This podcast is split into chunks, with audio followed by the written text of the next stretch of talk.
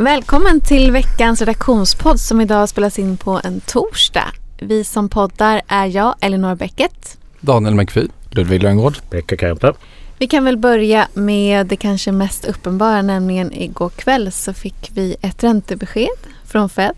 Som väntat, en höjning med 25 punkter. Vad tänker du kring det? Börsen gick ju ner en del ändå. Vad var det som den inte gillade? Ja, man har ju som sagt var räntan nu ligger i spannet 4,75 till 5 procent. Och så flaggade man försiktigt för kommande räntehöjningar också. Och det var väl dels det som inte marknaden riktigt var bekväma med.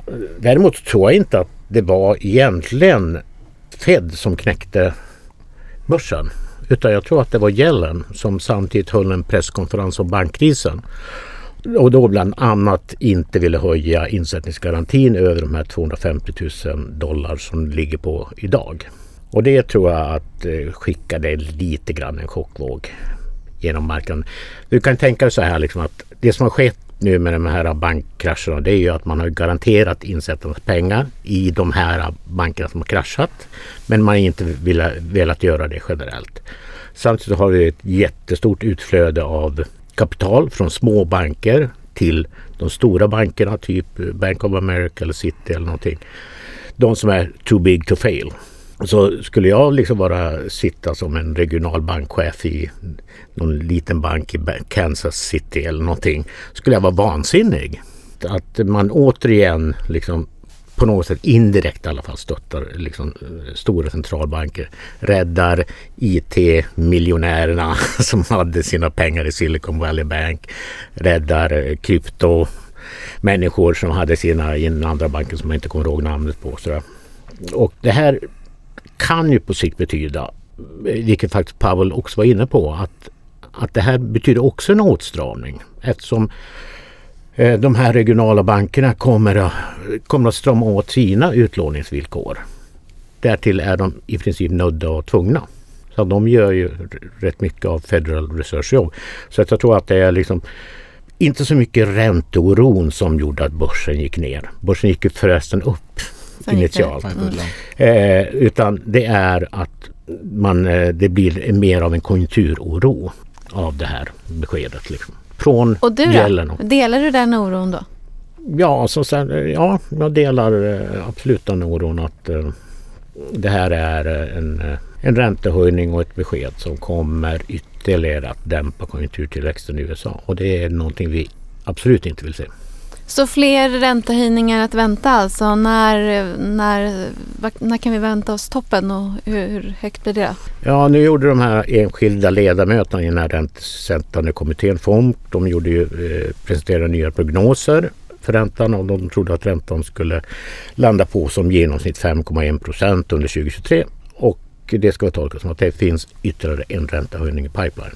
Men marknaden säger någonting annat va? Man tänker att redan Slutet på 2023 får vi se räntesänkningar. Ja, och det, det är också ett tecken på den här konjunkturoron. Att, att man faktiskt skruvade ner förväntningar på vad, vad centralbankens styrränta ska ligga på i slutet av året. Nu tror man att den ska ligga på 4,3 procent. Så att det är eh, liksom ganska drastiska räntesänkningar under andra halvåret. 2023 som prisas in. I, I och med att jag inte tror på att inflationen kommer att dämpas på något påtagligt sätt så är det liksom konjunkturen som ska göra jobbet. För hur gick tongångarna kring inflationen? Var att man pratar väl fortfarande om att det är den som ska bekämpas? Ja, ja precis som ECB. Och det var ju på något sätt egentligen ett lugnande besked. Att eh, man tonar ner bankkrisen och säger att det är inflationsbekämpningen som är fortfarande är vårt fokus. Precis som ECB gjorde för någon vecka sedan. Finns det några tecken i arbetslösheten att den är på väg att Ja, nej, egentligen inte. Inte om vi tittar på historiska eller liksom den senaste tidens data utan snarare är det så att nyanmälda platser ligger på en jättehög nivå och sysselsättningen ökar mycket. Sen har vi ju alla nu sett att de här stora IT-jättarna de eh, skär ju ner på personalen. Så de ser man och det kommer väl i sinom tid att synas även i statistiken. Hur, mycket, hur stor eftersläpning är det på statistiken? Nej men alltså nu kommer vi få marssiffror. Det är ju liksom, det är bara en vecka in i april som vi får marssiffrorna över sysselsättning, arbetslöshet och löner. Så att det är inte stor eftersläpning. Apropå eh, den här bankturbulensen då. Nu med, när det har gått några dagar, vad kan man säga om eh, det som händer där med de här AT1-obligationerna? Vad, har liksom, eh, vad kan man dra för andra slutsatser utanför just eh, Schweiz som man säger? Ja, det, jag tror att du har bättre koll än mig på här Kokobonds. det är liksom. Det för att, tror jag inte. För att det är väldigt förvirrande. Vi vet, vi vet att det är en jättestor marknad och de här obligationerna infördes på något sätt för att det skulle vara för att bankerna själva skulle, skulle stå för eventuella, i nya kriser skulle det vara de som betalade för det. Och det är en marknad på 250 miljarder dollar och vi vet inte vad, vem det är som sitter med Svarte Petter. Tyvärr. Har man några liksom, misstankar? Jag såg att det var ganska vanligt alltså typ bland retailkunder och private banking-kunder i Asien till exempel. Ja, det, inte, det känns inte så systemkritiskt. Ja. Nej, det, jag tror inte att det är systemkritiskt heller. Men eh, det är väl klart att det kommer att poppa upp förluster på, på många håll. Och, och då ska kapitalet flyttas du får lite, inte regelrätta bankruns men ändå att kapitalet flyttas. Och, nej, jag tror inte att det är någon system, systemkris i antågande. Men jag skulle gärna vilja veta vem, vilka det är som sitter de här egentligen. Liksom. På marginalen påverkar det givetvis avkastningen. Eh, och det har ju säkert varit lätt att sälja in till retailkunder så man får några extra punkter på räntan. Men tro, tror man att det kommer bli att man får betala högre ränta även på sikt då? Och vad skulle i så fall det göra för bankernas intjäning? Är det här liksom en stor del av... Blir det väldigt kostsamt för bankerna? Vet man det? Nej, det vet man inte. Och det tror jag inte. Men på marginalen så stiger ju räntan trots allt eh, när det finns en sån där någon sorts eh, risk, underliggande risk som vi inte vet om egentligen var, det, var den har hamnat. Det, det jag skulle vara all, allra räddast för det är ju inte om det var asiatiska privatpersoner som satt på de här skulderna utan det är ju att om det är de här regionala bankerna som pressas även från det här hållet. Att det är de som har sålt det vidare till det är inte subprime som vi talar om men ändå liksom att det kan dyka upp förluster som eh, vi inte vet någonting om. Och så länge vi inte vet det så är det ju man upphör inte att förvånas över så nya begrepp och nya grejer som dyker upp som man inte någonsin har pratat om tidigare. Jag tänker på en sån här jättestor eh, man säga, game changer, förlåt att jag pratar engelska, eh, var ju såklart coronapandemin. Och du har kikat lite på, eh, Daniel, vilka aktier som har blivit de största vinnarna sen botten. Ja exakt. Det har ju gått tre år nu. Det går ju väldigt snabbt. Jag tänk, man tänker att corona eftersom man har levt mer att det inte var så länge sedan men det är faktiskt tre år sedan börsen bottnade. Och eh, det började komma rapporter redan i slutet på 2019 kring att den här sjukdomen då som började i Kina. Och sen började väl ta fäste på börsen ordentligt i slutet på februari. Hur mycket var det som mest? Eh, som mest, om man tittar bara perioden 20 februari till 16 mars så gick börsen ner 35 procent. Eh, OMX, alltså breda index, vilket är ett rekord i antal dagar och hur snabbt det går. Jag tror att ni många minns det. Men den värsta dagen var 12 mars för på 11 mars på kvällen gick WHO ut och bekräftade att det här är en pandemi. Och då gick, äh, föll börsen 11 procent. Så det var den värsta dagen. Men sen fortsatte den falla och 16 mars bottnade den då egentligen. Sen dess däremot så kan man säga att börsen har, svenska börsen har stigit 80 procent inklusive utdelningar ungefär fram till idag. Det är ganska extremt på så kort tid. Det är ganska extremt och man ska väl också påminna sig om att det har hänt rätt mycket annat under den här treårsperioden. Så det är inte bara coronapandemin utan vi har krig och inflation och höjda räntor och flera saker. Sen ska man ju säga att det här är från botten så att eh, det blir ju ganska extrema mätpunkter. Men då blir man ju lite nyfiken. När vi pratar botten, är det de här extrema förlorarna som har gått bra eller eh, vilka, vilka är det som har gått bäst under den här perioden? Jag tänker på resebolag och så vidare.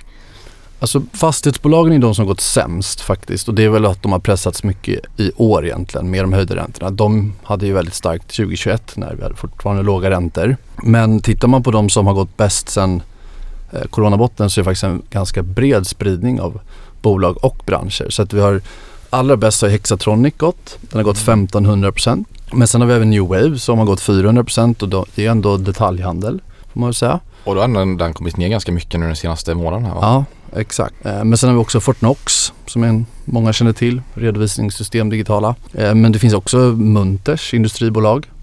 Eh, Så att det är en ganska stor bredd. Det som man kan se, det är många förvärvsbolag faktiskt som har gått väldigt bra sen botten men de kan också tagit rätt mycket stryk i corona ska man säga. Så där har vi till exempel Adnode, Vitec, Lagerkrans. Mm. Så att även om man pratade mycket om coronavinnare och coronaförlorare och vad som skulle bli bäst och sämst och kan man ju se att det är faktiskt ganska brett. Eh, men jag tittade faktiskt också lite på hur vinsttillväxten har sett ut i de här bolagen för att det är väl ändå det någonstans som driver kursen över tid. Eh, så att det är inte bara värderingar utan till exempel Hexatronic som har gått absolut bäst. De har växt vinsten med 980 procent. Då kollar jag vinsten 2019 till vinsten helåret 2022 då. Men de förvärvar också en hel del. Ja, de har gjort förvärv men det här är vinsten per aktie då. Och sen så har vi också Fortnox då som är en av de som gått bra som hade gått 350% lite drygt. De har växt vinsten 150% så där har ju aktien gått sen botten i alla fall bättre än vinsttillväxten. Nibe som är en sån här klassisk aktie som många pratar om som ofta ser för dyr ut och har faktiskt dubblat sin vinst sen 2019. Eh, Men aktien har gått 260% sen botten. Så eh, det är inte bara fluff utan man ser ju då att de här aktierna som faktiskt har gått väldigt bra har också växt vinsterna väldigt bra. Intressant. Mm. Vad, eh, kan, vad tror du Peter Lynch gjorde? Nej, jag vet inte. Han har väl tagit eh, ganska billiga bolag med tro- i tråkiga branscher tror jag. Ja, fiber känns ju inte jättekul så här Nej, spontant. så det finns ju några Peter Lynch-vinnare där kanske då. Eh, nej men jag har kollat på, eller jag har läst en bok som Peter Lynch har skrivit 1993 som heter Beating the Street. Och Peter Lynch var ju en väldigt bra fondförvaltare. En legendarisk kan man säga. Han eh, gav sina fondandelsägare nästan 30% årligen i 13 år. Den avkastningen är något man hade velat ha. Så jag har liksom tagit upp några punkter då, som jag tycker var bra från boken. Några lärdomar och lite tankar som han hade med sig i boken. Och det var det första jag tog upp då var vad han letade efter och vilka som var ägarna i bolagen som man kollar på. Alltså aktieägarna. Och han var ju en sån som inte ville ha de här hypade techbolagen. Det var liksom inte Crowdstrike eller Snowflake som han var ute efter. Där alla hade 2021. Utan det var mer de här tråkiga bolagen som inte så många tyckte om. Och där tycker han att man ska leta liksom. Och sen ville han också att det inte skulle vara så mycket analytiker som täckte det heller utan att det var ganska, ja ingen täckning på det liksom. Och inte så mycket fondförvaltare heller som är inne. Då låter det som att det, det är ganska små bolag då som han Fast översatt i USA då kanske bolagen inte är så små ändå. Nej men exakt. Ofta, alltså han sa ett citat i boken är liksom att när till och med analytikerna tycker det är så tråkigt då ska man köpa liksom. Så det är ju väldigt tråkiga bolag. Vet, Waste Management är till exempel ett sånt bolag som vet att Karl Lantz gillar. Skrivit mycket om. Sen tyckte han också att eh, det ska inte vara några institutionella ägare som är de största. För de kan inte så mycket om businessen och förmodligen är det inte så stor del av deras totala kapital heller. Så de bryr sig sannolikt inte lika mycket som en grundare eller någon i ledningen som äger väldigt mycket aktier. Och generellt sett har väl också de bättre branschkunskap också. Så det är en fördel. Och sen kolla också på den här kombinationen man skriver om. Aktieanalys handlar ju egentligen inte bara om eh, att man ska kolla i bolagsfinanser utan även att man ska kunna liksom förutspå vad som är triggers i framtiden. Vad ska driva aktiekursen i framtiden? Nämligen då vetenskap, konst och hårt arbete. Som den här kombinationen då. Och vetenskap handlar ju då om att vi kollar liksom resultaträkningen, kassaflödesanalysen, balansräkningen. Och här vill han se vinsttillväxt, omsättningstillväxt, låg skuldsättning och aktieåterköp. Och sen konst handlar då som jag sa innan då att eh, kunna förutse vad som ska driva aktiekursen framåt. Några triggers eller hur vinsten ska liksom kunna växa. Och sen hårt arbete. Han var ju liksom ute i väldigt mycket företag och kollade. Han besökte flera hundra företag per år. Och där upptäckte han också när han besökte så många företag att ett av tio ungefär var ju bättre än vad marknaden prisade in. Och en till fördel med att besöka så många företag det var att man kunde fråga de här personerna vilken, är någon, liksom någon konkurrent som ni tycker är väldigt bra? Och de svarade då att det var någon så trodde han att det skulle kunna vara ett riktigt bra aktiecase. Så det är väl en fördel. Om man jobbar hårt så kan man hitta ett poten- potentiellt guldkorn där då. Om, Men när, när du nämner de där liksom, att det ska vara bra vinsttillväxt, bla, då tänker man ju på att den typen av bolag är oftast ganska högt värderade. Mm. Vad sa han om värderingen då? Var det någonting som man skulle... Nej men det är väl lite den här Warren Buffett-stilen liksom att hellre köpa ett eh, fantastiskt bolag till ett rimligt pris än att köpa ett eh, mediokert bolag till ett ja, högt pris. Inte Så så mycket nu. botten. Jag tror vi fattar vad du menar i alla fall. Ja. Inte så mycket bottenfiske med andra ord alltså, utan eh, ja, exakt. Man ska köpa Det ska vara liksom kvalitet. rimligt värderat, inte för högt värderat för då är det ju svårt att räkna hem det liksom. Utan en rimlig multipel. Och sen snackar han också om det här större perspektivet och det handlar om att när det liksom stormar på börsen som det kanske gör nu så är det lätt att drabbas av panik för media skriver mycket domedagsrubriker. Det kanske står liksom därför ska du likvidera din portfölj och sånt där. Och det ska man inte göra enligt han. Utan man ska ju inte bli rädd för aktierna när det går ner. Utan det är ju liksom din största fiende. Han säger att nyckeln till att tjäna pengar på aktier är inte att bli rädd för dem utan ja, att man ska, man ska inte sälja när det går ner. Så det är nu man ska vara som mest aktiv. Ja det vet jag inte men, eh, För domedagsrubriker är det ju gott om nu Ja. i alla fall. men det behöver komma ditåt i alla fall. Att det är väl i de jävligaste tiderna de bästa affärerna görs. Vi hade väl den värsta börsdagen på ett år i alla fall förra veckan. Var det inte så? Jo, det var nog en dag när jag var ledig. Det brukar ju vara så. Ja. Ja, det är svårt att hänga med då. Nej men jag tycker ändå det är väldigt vettigt men det är också det som är väldigt svårt. Jag menar om man tar coronapandemin som ett exempel igen. Det var ju Ofta finns det en väldigt tydlig anledning till att det går ner så mycket och det är just väldigt osäkert. Eller om man tar det som hände i finansiella systemet nu förra Mm. veckan. Det, det är väldigt svårt att greppa vad det är som faktiskt händer men det är ju Man vet ju inte. just när den här osäkerheten är, det är då det faller som mest. Ja, han säger ju också det liksom att han, alltså varje gång han känner sig liksom, nu vill jag bara sälja allting. Då ska han påminna sig om att på lång sikt så går aktier bättre. Alltså på väldigt lång sikt än obligationer och kassa. Så det ska man tänka på. Ja, madrassen har väl aldrig gett... Nej, den gröp ju, inflationen gröp ju liksom ur. Man, Nej, men alltså det är ju en skillnad. Jag, jag kommer ihåg när, när coronapaniken slog till. Och då kan ju jag säga att då köpte jag aktier så det bara visslade om det. Bra. Väldigt mycket urbombade eh, företag. För att, för att då var det ju en panik. Den här gången så är det ju mer liksom att vi smyger oss ner. Det är ju inte de här riktiga panikdagarna utan även efter Feds räntebesked och gällen så här, ja börsen är ner 1,8 procent. Eh, Jag tittar ju på hur världens börser hade gått under 2023 hittills. Jag menar det är fortfarande MSCI World Index är fortfarande upp några procent. Så att det här är ju det är inte enligt mig är det ju ingen krasch än. Utan det här är ju mer en tillnyktring efter den här enligt mig då galna börsuppgången i början på året när man tog ut så otroligt mycket positivt. Liksom. Nej, men börsen känns ju ganska stark. Jag menar i måndags nu också öppnade vi ju ganska kraftigt ner för att sen återhämta oss och slutade vi inte på plus tror jag till och med. Det, jag håller med, det är inte någon riktig nej, det är krasch vi fått se ju inte. Inte som corona. Är det inte. Nej och det, är ju- och det är ju- jag menar du ska inte gå i förväg men det är ju liksom ett skäl till att jag är försiktig och har en stor kassa Mm. Fortfarande. Och till och med ett björncertifikat liksom. För att jag Ja, tycker inte att vi har jag tycker inte att börsen har tagit ut svängarna i den grad som vi kanske jag tycker att den borde ha gjort. Mm. På allting negativt som har hänt. Och du som är orolig för konjunkturen, eller det är ju fler som är, men du vet, jag vet att du har pratat om det. Har du varit, tycker det vi ser nu från Fed och att man åtstramar, kan det få ännu mer konsekvenser på konjunkturen än bara det vi pratat om tidigare? Ja, jag tror ju det. Jag, jag tror ju att det är um, väldigt negativt. Menar, det är inte bara Fed som höjde igår utan idag så höjde Schweiz central, centralbank med 50 punkter, eh, Norges bank med 25 punkter, Bank of England med 25 punkter. Så att det är liksom åtstramningsmod. Och jag tycker inte att konjunktursiffrorna är sådana såna, så att eh, vi tål ytterligare åtstramningar. Och hur långt in i en, liksom, en lågkonjunktur börjar börsen gå upp sen då? Ja, men, alltså, ja, vi hade ju det i podden. Alltså, jag är ju inte någon sån här aktiekille på det sättet. Men, men eh, det är väl ganska tidigt om jag har för mig, har jag för mig att eh, det vänder. Och det beror ju oftast på att, att eh, centralbanker vänder på steken. Liksom. Mm. Och eh, ja, Och nu börjar vi komma upp i de räntorna vi såg precis innan finanskrisen va? ja, precis. Eh, Höjer, höjer Fed en gång till så har vi en ränta på 5,25 procent. Och vilket är exakt där den låg 2007.